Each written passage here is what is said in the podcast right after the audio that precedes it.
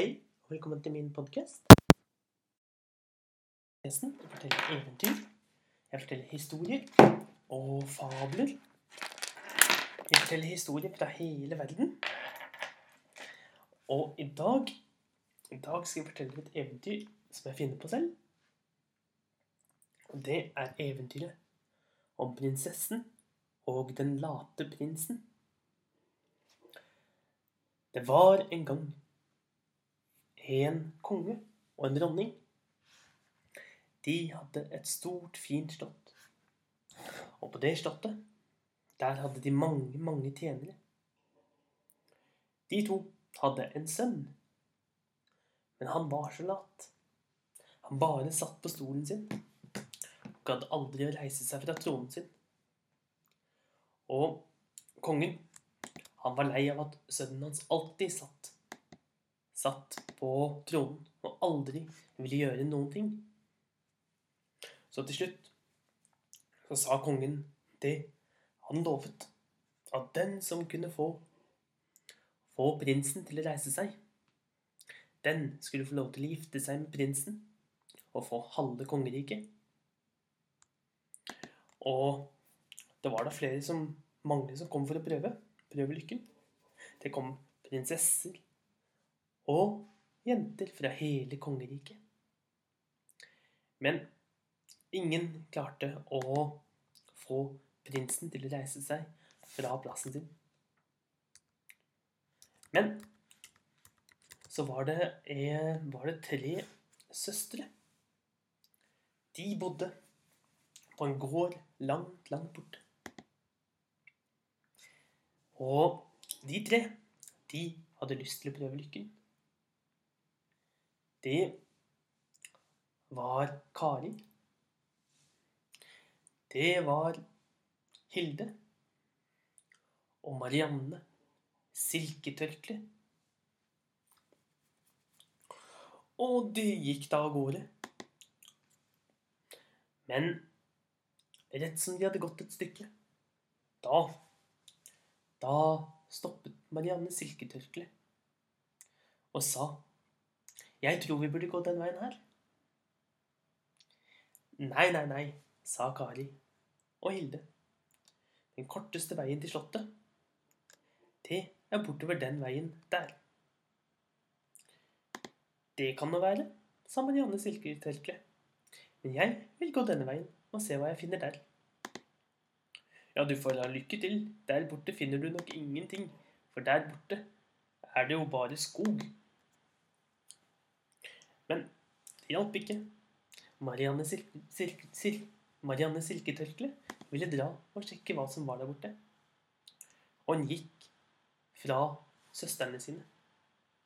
Og de gadd ikke å vente på henne mer, kan du vite. Så de skyndte seg av gårde til slottet. Der prøvde de lykken for å se om de kunne få prinsen til å reise seg. Og eh, det gikk ikke bedre med dem enn det det hadde gått med alle de andre. Alle de andre prinsessene som hadde prøvd. Alle de andre jentene. Prinsen var så lat, og han ville ikke reise seg. Så Kari måtte dra hjem. Så var det jo da Hilde sin tur. Hun ble ikke noe bedre, hun heller. Hun prøvde også på alle mulige måter å få prinsen til å reise seg. Men han ble sittende. Da Da varte det ikke lenge før hun også ble sendt av gårde. Hva Marianne Silketørklangen gikk? Hun kom til den store skogen. Der begynte hun å gå mellom de høye trærne. Men på en stubbe der satt en gammel rev. God dag, sa reven. Hvem er du? Jeg er Marianne Sil Silketørkle. Og jeg skal til slottet for å få den late prinsen til å reise seg. Ja, det har jeg hørt om, sa reven. La meg hjelpe deg på veien. For hvis du, hvis du nå går ut av denne skogen, da vil du møte på en gammel kone.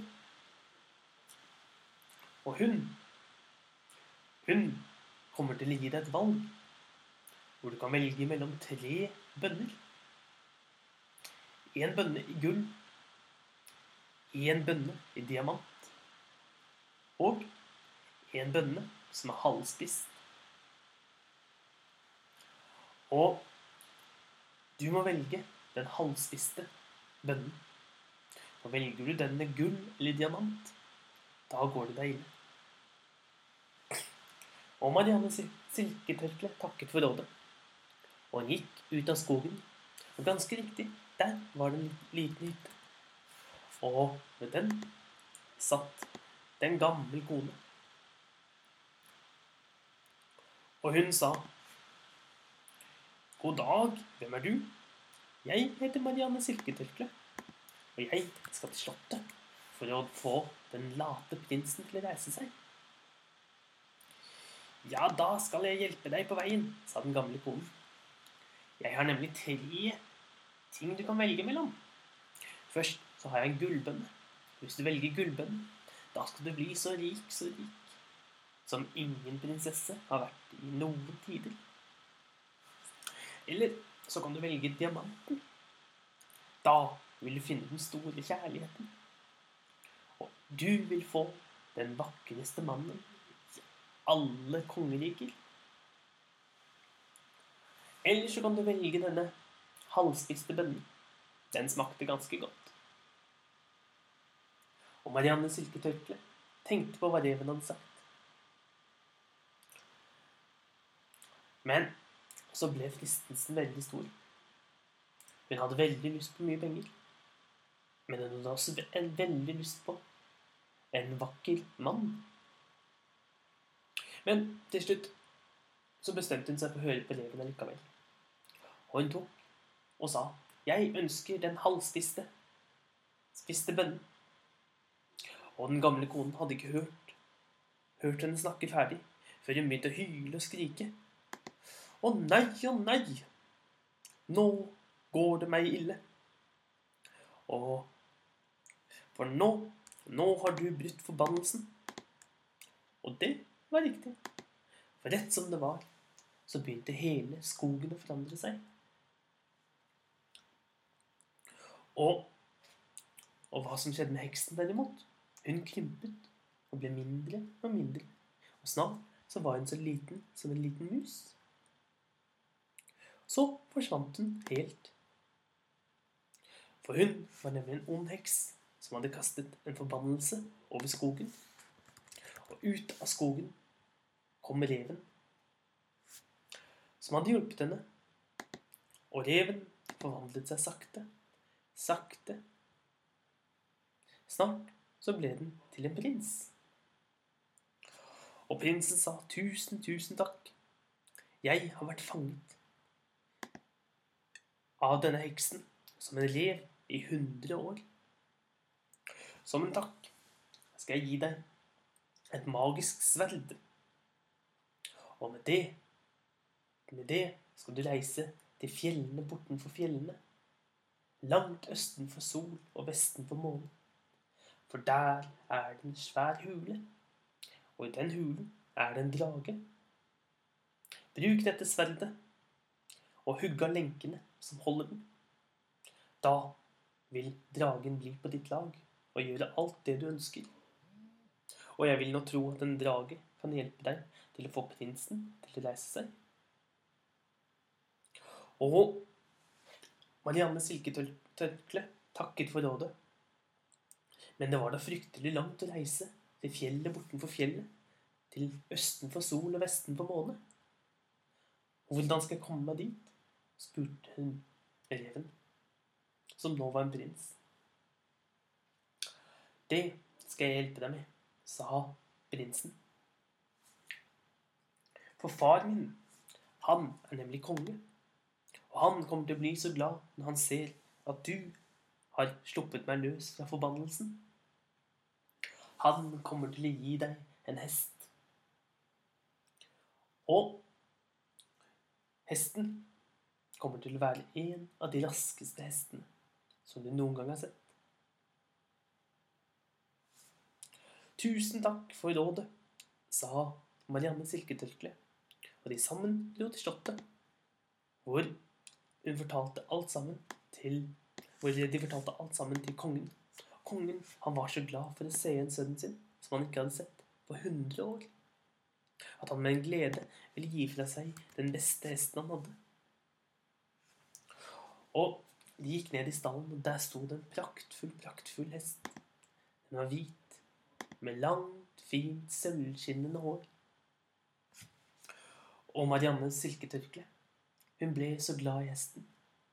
Og den skulle hun kalle Skuggfaks. Og hun red på Skuggfaks, og den red like fort som vinden selv. Ja, ganske snart så sto hun side om side med nordavinden. Og nordavinden sa Fælt så fort du flyr, da. Jeg har aldri sett en hest løpe så fort som det du gjør på denne hesten. Nei, Skuggfaks er nok den raskeste av alle hester, svarte hun. Men hvor skal du? spurte nordavinden i en slik forrykende fart. Jeg skal til til fjell bortenfor fjellet. Jeg skal nemlig til østen for sol og vesten for måne å finne dragen. Oho, sa nordavinden. Så langt har jeg bare reist én en eneste gang. Men hvis du vil, så kan jeg slå følge med deg. Og de suste av gårde. Så fort, så fort. Nordavinden suste over trærne, mens, mens Marianne silketørke red på skuggfaks gjennom trærne og gjennom skogen. Og etter ganske kort tid så kom de til det første fjellet. Og med et eneste stort sprang så hoppet Skuggfaks over hele, over hele fjellet. Så kom de til fjellet bortenfor fjellet. Men Skuggfaks tok nok et stort sprang og fløy over hele det store fjellet. Og nordavind sa nå er det ikke langt igjen. Der borte, der langt i det fjerne, kommer vi til å se et bitte, bitte lite gullslott. Kan du se det? Nei, jeg kan ikke se noen ting, svarte Mariannes silketørkle. Og Nei, nei, sa nordavinden. Vi får fly videre. Men de fløy videre. Og etter nok en god stund så spurte nordavinden. Ser du noe nå? Jeg ser bare hav og skyene. Langt, langt der borte.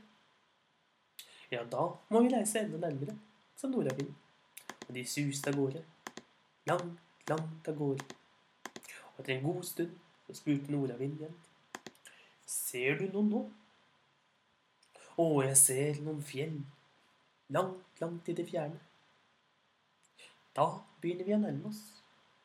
Men vi er ikke framme helt ennå.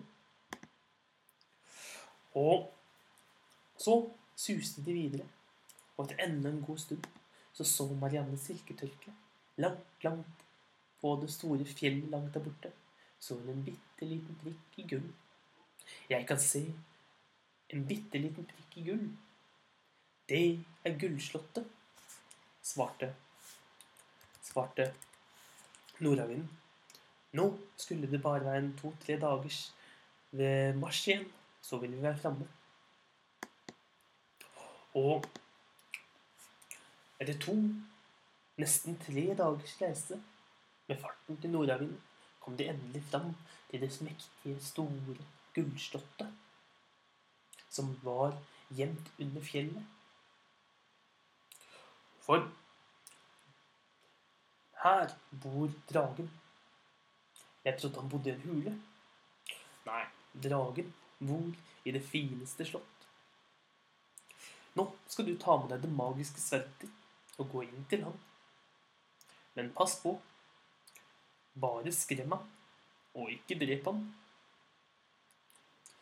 Og, og Marianne Silketørkle sa farvel til nordavinden, og han suste av gårde for å rive opp noen grantrær langt, langt borte.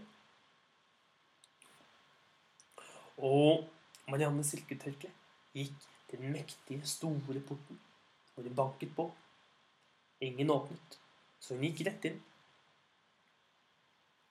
Og der inne, der var det en mektig, mektig stor hall. Og midt inne i hallen en stor gulltrone. Og på gulltronen, der lå det en kjempestor drage og sov, med store, grønne skjell og lange klør og spisse tenner. Men Marianne Silketørkle, hun var ikke redd. Så hun gikk modig rett bort til dragen og stilte seg opp på nesen dens, for nesen var så stor som en sklie. Og hun løftet sverdet som til hugg og ropte 'Nå skal du dø!' Og dragen bråvåknet og så rett inn i øynene på Mariannes Silketørkle. Og det første han så, var sverdet som hun holdt.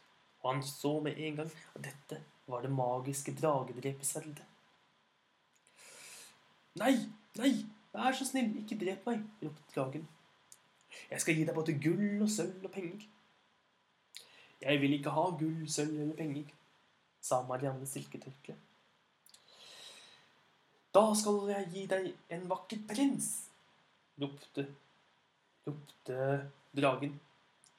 Jeg vil ikke ha noen vakker prins, sa Marianne Silketørkle. Hva ønsker du da?